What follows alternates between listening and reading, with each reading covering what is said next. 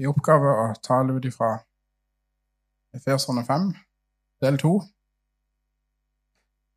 Og jeg har valgt å kalle det for hjemmebanets mysterium.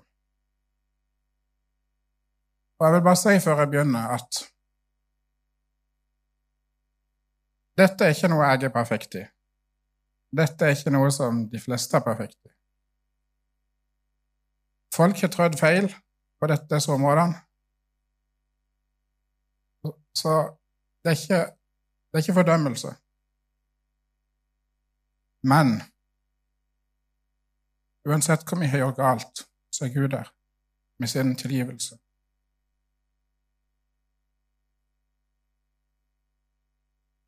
Jeg har bare lyst til at vi skal sitte med deg på bunnen, sånn at ikke dette blir en fordømmende eh, ja, greie i forhold til de som, de som har trødd feil. Men vi kan begynne å lese fra Efeserne 5, vers 15. Der står det:" Se derfor til hvordan dere kan vandre varlige, ikke som uvise, men som vise, så dere kjøper den laglige tid, for dagene er onde. Vær derfor ikke uforstandige, men forstå hva som er Herrens vilje. Drikk dere ikke drukne av vin, for det fører bare til utskeielser, men bli fylt av Ånden, så dere taler til hverandre med salmer, lovsanger og åndelige sanger, og synger og spiller for Herren i deres hjerter, og alltid takker Gud og Faderen for alle ting, i vår Herre Jesu Kristi navn. Underordne dere under hverandre i Kristi frykt. Dere hustruer, underordne dere under deres egne menn som under Herren. For mannen er kvinnens hode, like som også Kristus er menighetens hode, han som er sitt legemes frelser. Men like som menigheten underordner seg under Kristus, så skal også hustruene underordne seg under sine egne menn i alle ting. Dere menn, elsk deres hustruer, like som også Kristus elsket menigheten og ga seg selv for den, for å hellige den ved å rense den ved vannbadet i ordet slik at han kunne stille menigheten framfor seg i herlighet, uten flekk eller rynke eller noe slikt, men at den kunne være hellig og ulastelig. Slik skylder også mennene å elske sine hustruer som sine egne lemmer. Den som elsker sin hustru, elsker seg selv. Ingen har noen gang hatet sitt eget kjødd, men han har næret og varmet det, slik også Kristus gjør med menigheten. For vi er lemmer på hans legeme. Derfor skal mannen forlate sin far og sin mor og holde seg til sin hustru, og de to skal være ett kjød. Dette mysteriet er stort. Jeg taler her om Kristus og menigheten. Men også hver enkelt av dere skal elske sin hustru som seg selv, og hustruen skal ha ærefrykt for sin mann.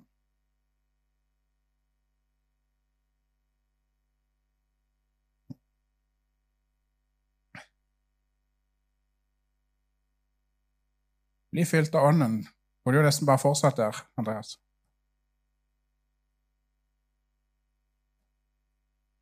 Det handler om hvordan vi blir fylt.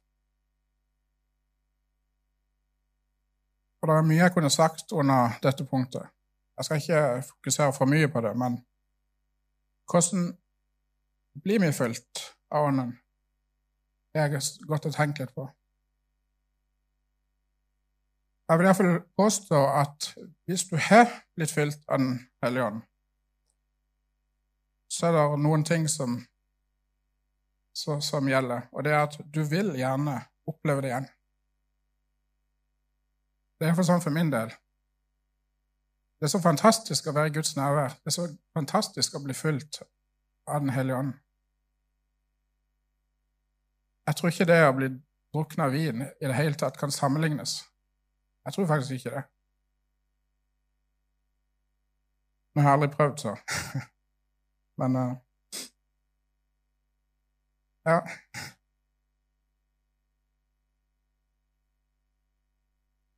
Du ønsker å være i, atmosfære, i denne atmosfæren så ofte som mulig. Det er noe en ønsker å komme tilbake til hele tida. En ønsker å bli fylt igjen og igjen og igjen og igjen. Og jeg tror det er én ting til som gjenkjenner det, at en har vært i, blitt fylt av Den hellige ånd. Det er at en ønsker å fortelle det videre til andre. En ønsker å dele det med andre. At andre skal klare å komme inn i den atmosfæren som en sjøl har vært i. Jeg husker vi var i Misjonskirka sammen med Anders Ove og Bruno Knutsen på en eh, seminar med ungdommer. Og det ble så sterkt nærvær der at taleren måtte krype ned fra talerstolen.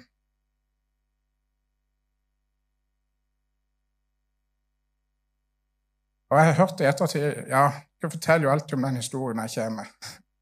Altså, når Bruno Knutsen når kommer, Dere forteller jo alltid om den historien. Men det er faktisk noe som setter seg i ens indre.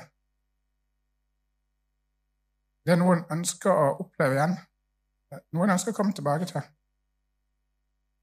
Og ja, en skal ikke leve i fortida eller noe sånt.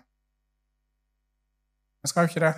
Men det er viktig å kunne ja, kunne identifisere hva en ønsker å komme tilbake til, eller hva en ønsker å komme inn i. Det er jo det.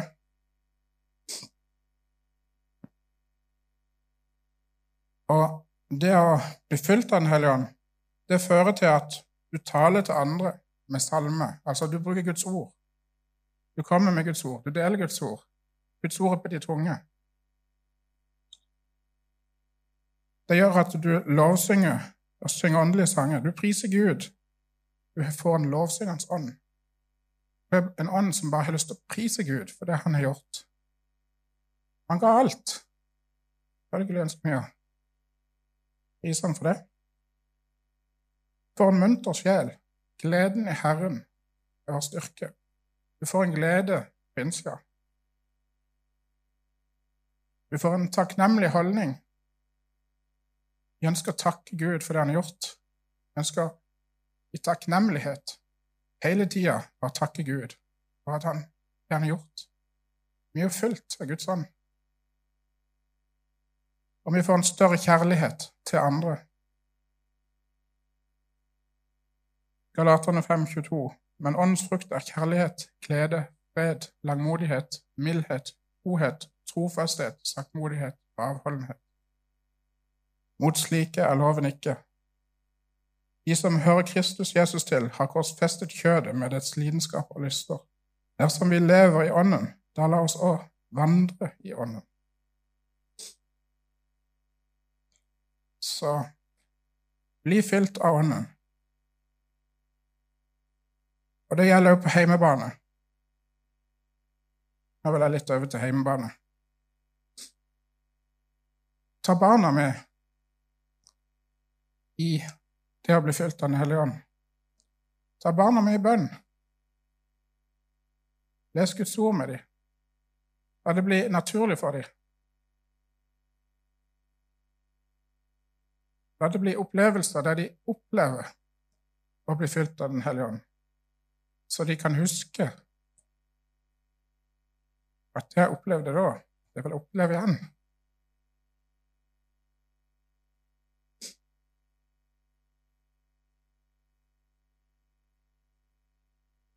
Og så blir denne, en del av den talen blir til ek, ektepar, og spesielt til mannen.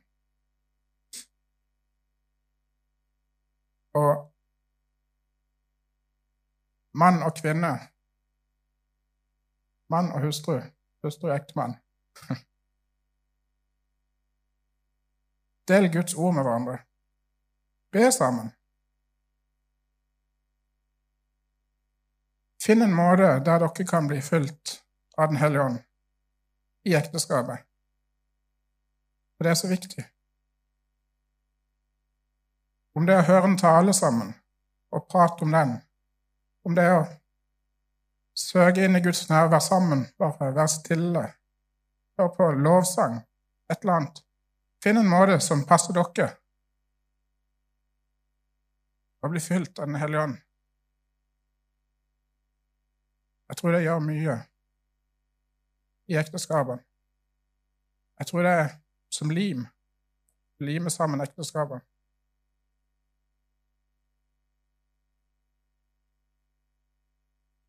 Mann, elsk din hustru, som Kristus elsker menigheten og ga seg sjøl for den. Det er store ord.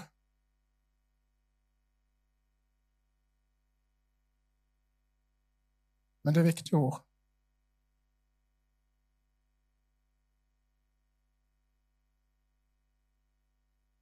Første Mosebok så står det Så sa Gud Herren, det er ikke godt for mennesker å være alene. Jeg vil gjøre ham en medhjelper som er hans like. Og Gud Herren bygde av det ribbein han hadde tatt av mannen, en kvinne, og førte, henne, førte henne til ham. Eh, da sa mannen, denne gang er det ben av mine ben og kjøtt av mitt kjøtt. Hun skal kalles manninne, for av mannen er hun tatt.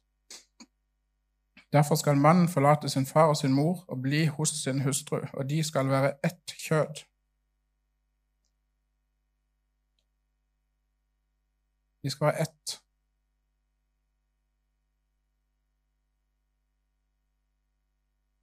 Det er en kamp om familien i dag. En kamp om mannen. Knekkes mannen, så knekkes ekteskapet, så knekkes hele familien.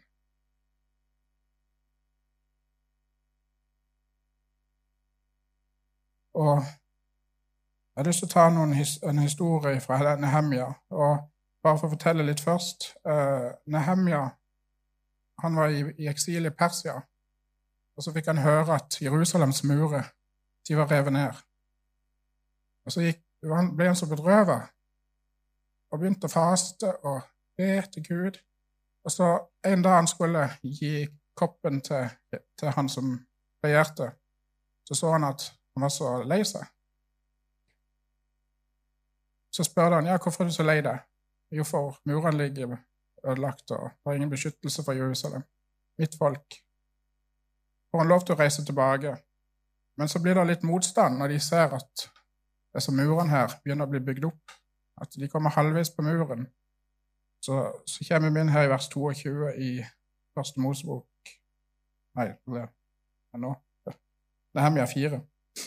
De jødene som bodde i nærheten av dem, kom fra alle kanter og sa til oss vel ti ganger, hvor dere vender dere hen, så vil de angripe oss. Men da stilte jeg folket opp på de laveste stedene bak muren, på de åpne plassene. Jeg stilte dem opp etter deres etter med sine sverd og sine spyd og buer. Og da jeg så dem oppstilt, gikk jeg fram og sa til stormennene og forstanderne og til hele folket, vær ikke redd dem, Tenk på Herren, den store og forferdelige, og kjemp for deres brødre, for deres sønner og døtre, deres koner og deres hjem. Kjære ektemenn, la oss begynne å reise murer.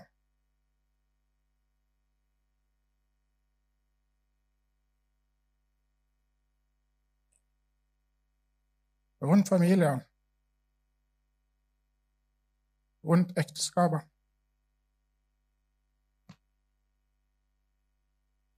La oss kjempe for å gjøre våre hjem, og ikke la fienden ødelegge.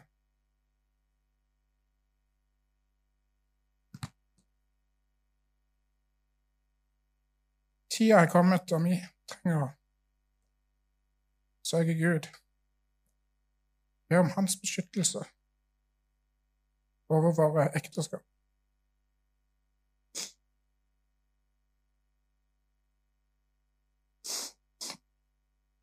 Vi må ta Jesu blod, stryke på våre dører. Det var det de gjorde i Egypt. Det er ikke dødsengelen skulle komme inn.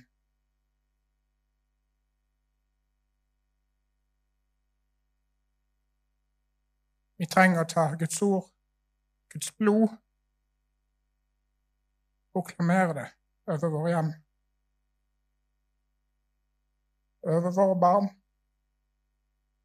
over ekteskap.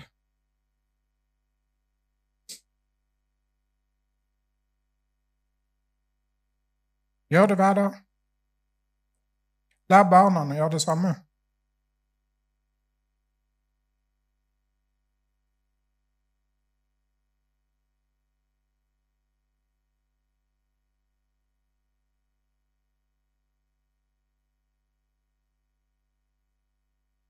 Jesus han gjorde en pakt med oss.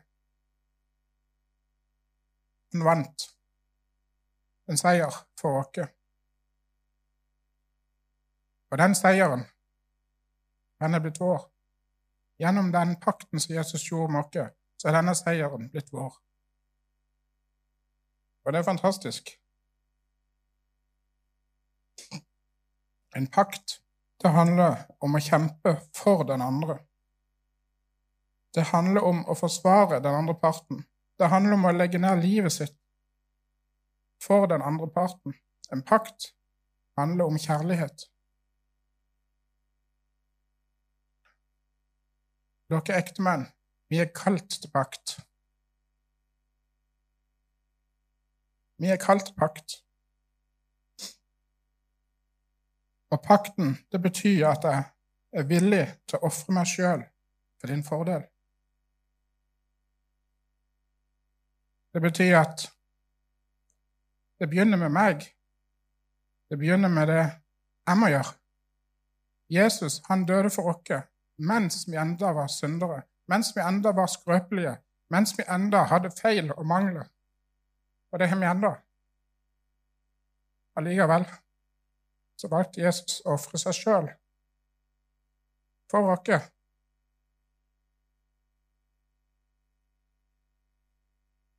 Og det er pakt. Det er der pakta ligger. I pakt setter den andre først. Ja, men vi har så mange problemer i ekteskapet, kan en kanskje si. Jesus han er vårt eksempel. Han så ikke på våre feil og våre mangler. Han så ikke på alle problemene. Men han ga seg sjøl. Han ga kjærlighet til oss. Og lidelse, det er en del av pakt. Det faktum at jeg kommer for å legge ned mitt liv for deg, det er pakt. Når Jonathan inngikk pakt med, med David, så tok han av seg sin rustning, av seg sitt sverd, og så ga han det til, til David, og så sa han, 'Jeg vil ikke lenger beskytte meg sjøl, du skal beskytte meg.' Det var et tegn på at han skulle beskytte han. Det er pakt.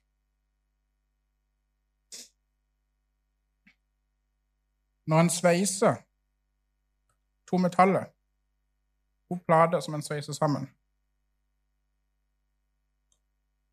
så trenger en rett varme, og en trenger ei overfladespenning.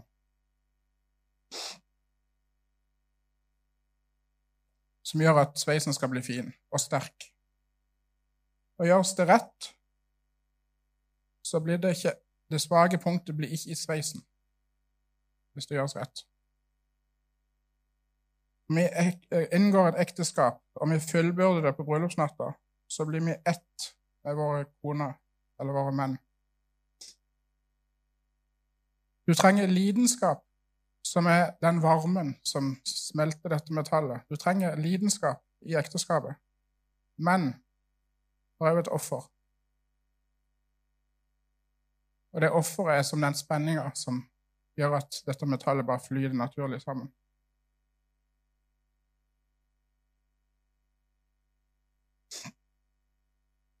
Forkynnerne 9-12 så står det bedre å være to enn én, for de har god lønn for sitt strev. Om de faller, kan den ene reise den andre opp. Men, men stakkars den som er alene, faller han, har han ingen å reise seg opp. Likeså er det også når to ligger sammen, så de blir varme. Men hvordan kan den som ligger alene, bli varm? Om noen kan vinne over den som er alene, så kan to holde stand mot ham. Tredobbel tråd kan ikke så lett slites av. Så det er viktig at en er sammensveisa, men at Gud er med. Det blir som en eh, tretvinna tråd. Uten den siste tråden der, så blir en svakere.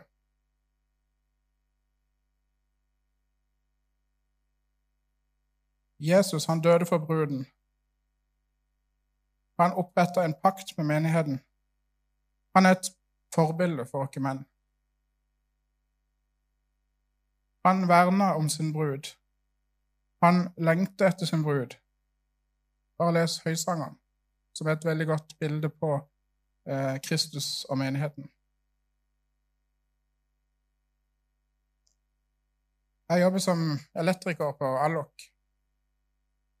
Og noe av det vi jobber med, eller jobber ut ifra, det er dette her med akutte jobber og vedlikehold. Og min oppgave er å holde maskinparken i gang. Eh, alle mm, produksjonsmaskinene i gang. Og det som er at de kan ringe til meg med en akutt jobb. Da står maskinen. Da er det noe akutt å gjøre. Og jeg er nødt til å finne den feilen for at disse maskinene skal begynne å svive igjen. Men så har vi òg et annet prinsipp vi jobber ut ifra, og det er vedlikehold. Og Det betyr at de stopper ned maskinen bevisst.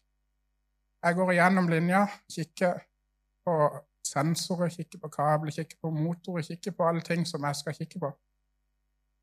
Og så finner jeg kanskje en ting der den begynner å se dårlig ut. Da bytter vi den. Og av at jeg gjorde det, så er det ikke sikkert at den maskinen der stopper av det problemet. Sånn må vi jo begynne å gjøre i ekteskapet vårt. Vi er nødt til å begynne å vedlikeholde ekteskapet vårt. Det er så lett for at det blir akutte ting. Ting som gjør at det blir spenninger. Ting som gjør at det kan eskalere, det kan blusse opp. Det kan gjøre at maskineriet stopper opp, at det blir ei krise.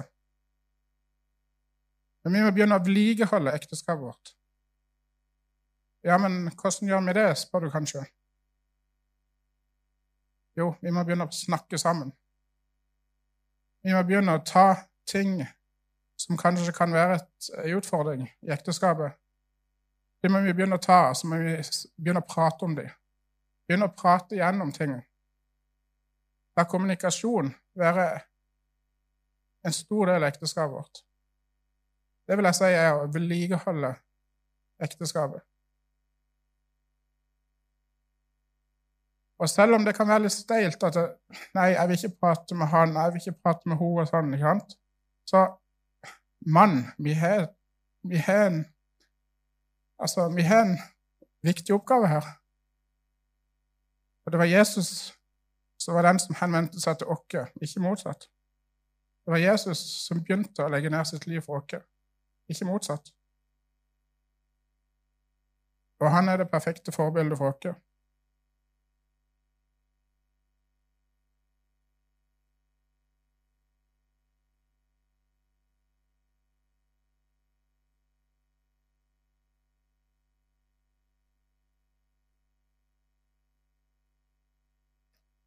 Efeserne 4,26.: Bli vred, men synd ikke. La ikke solen gå ned over deres vrede. Og det er et fint regel å ha.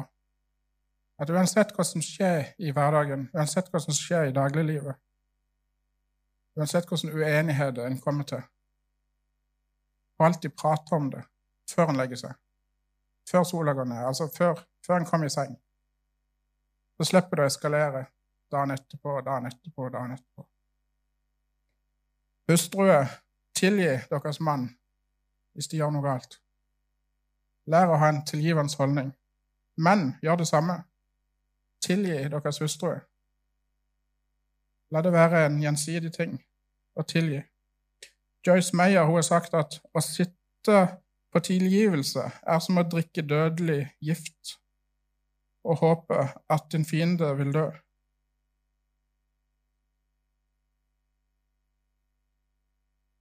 Det er jo, Dere hører jo sjøl hvordan det lyder. Å sitte på tilgivelse er som å drikke gift og håpe at dine fiender vil dø, mens det istedenfor er du sjøl som dør.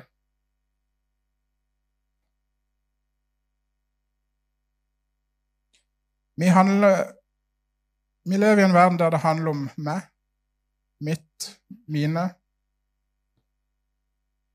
Det handler om meg i sentrum. Hvis jeg får det sånn som jeg vil ha det, så er jeg fornøyd.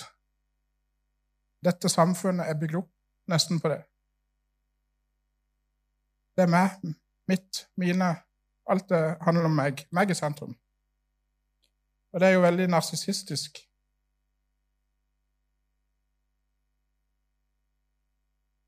Uh, og det ja, han hadde et bilde, Du hadde et bilde der, hadde du ikke det? Ja. Det er egentlig et fint bilde som beskriver dette samfunnet. Det handler om å gjøre at jeg er lykkelig. At jeg gifter meg for at jeg skal få lov til å oppleve sex, for at jeg skal få lov til å uh, ha ei kone som støtter meg, for at jeg skal bli kvitt mine problemer med sextanke, med porno, for at jeg skal slippe å være ensom. Altså, det handler om meg hele tida.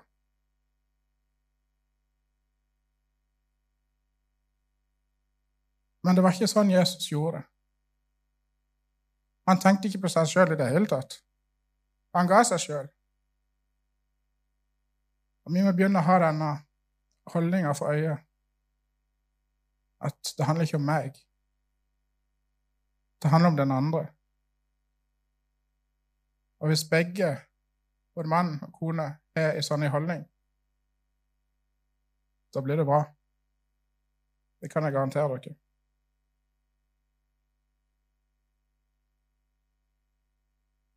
Første Korinterbrev. Kjærligheten er tålmodig, er velvillig. Kjærligheten misunner ikke. Kjærligheten skryter ikke. Den blåser seg ikke opp. Den gjør ikke noe usømmelig, søker ikke sitt eget, blir ikke bitter, gjemmer ikke på det onde. Den gleder seg i, ikke over urett, men gleder seg med sannhet. Den utholder alt, bor alt, håper alt, tåler alt. Men nå blir de stående, disse tre, tro, håp og kjærlighet. Den største blant dem er kjærlighet. Jeg nesten tror jeg hadde en bryllupstale her.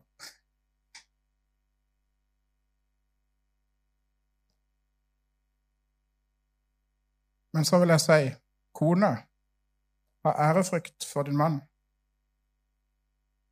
Underordne deg din mann.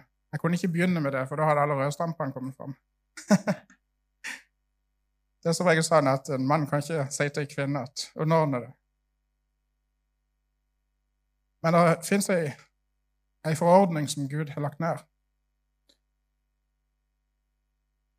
Men det å underordne seg, det handler ikke om at mannen skal råde i den forstand at de skal kunne gjøre hva de vil med kvinner. Det er ikke det det er snakk om.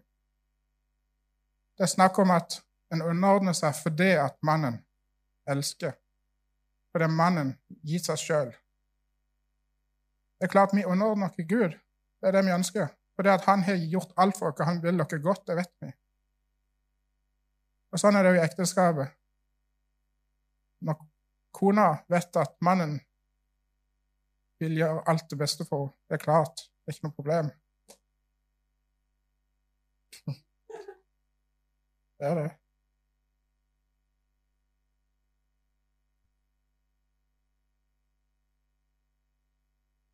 Menigheten underordner seg Jesus.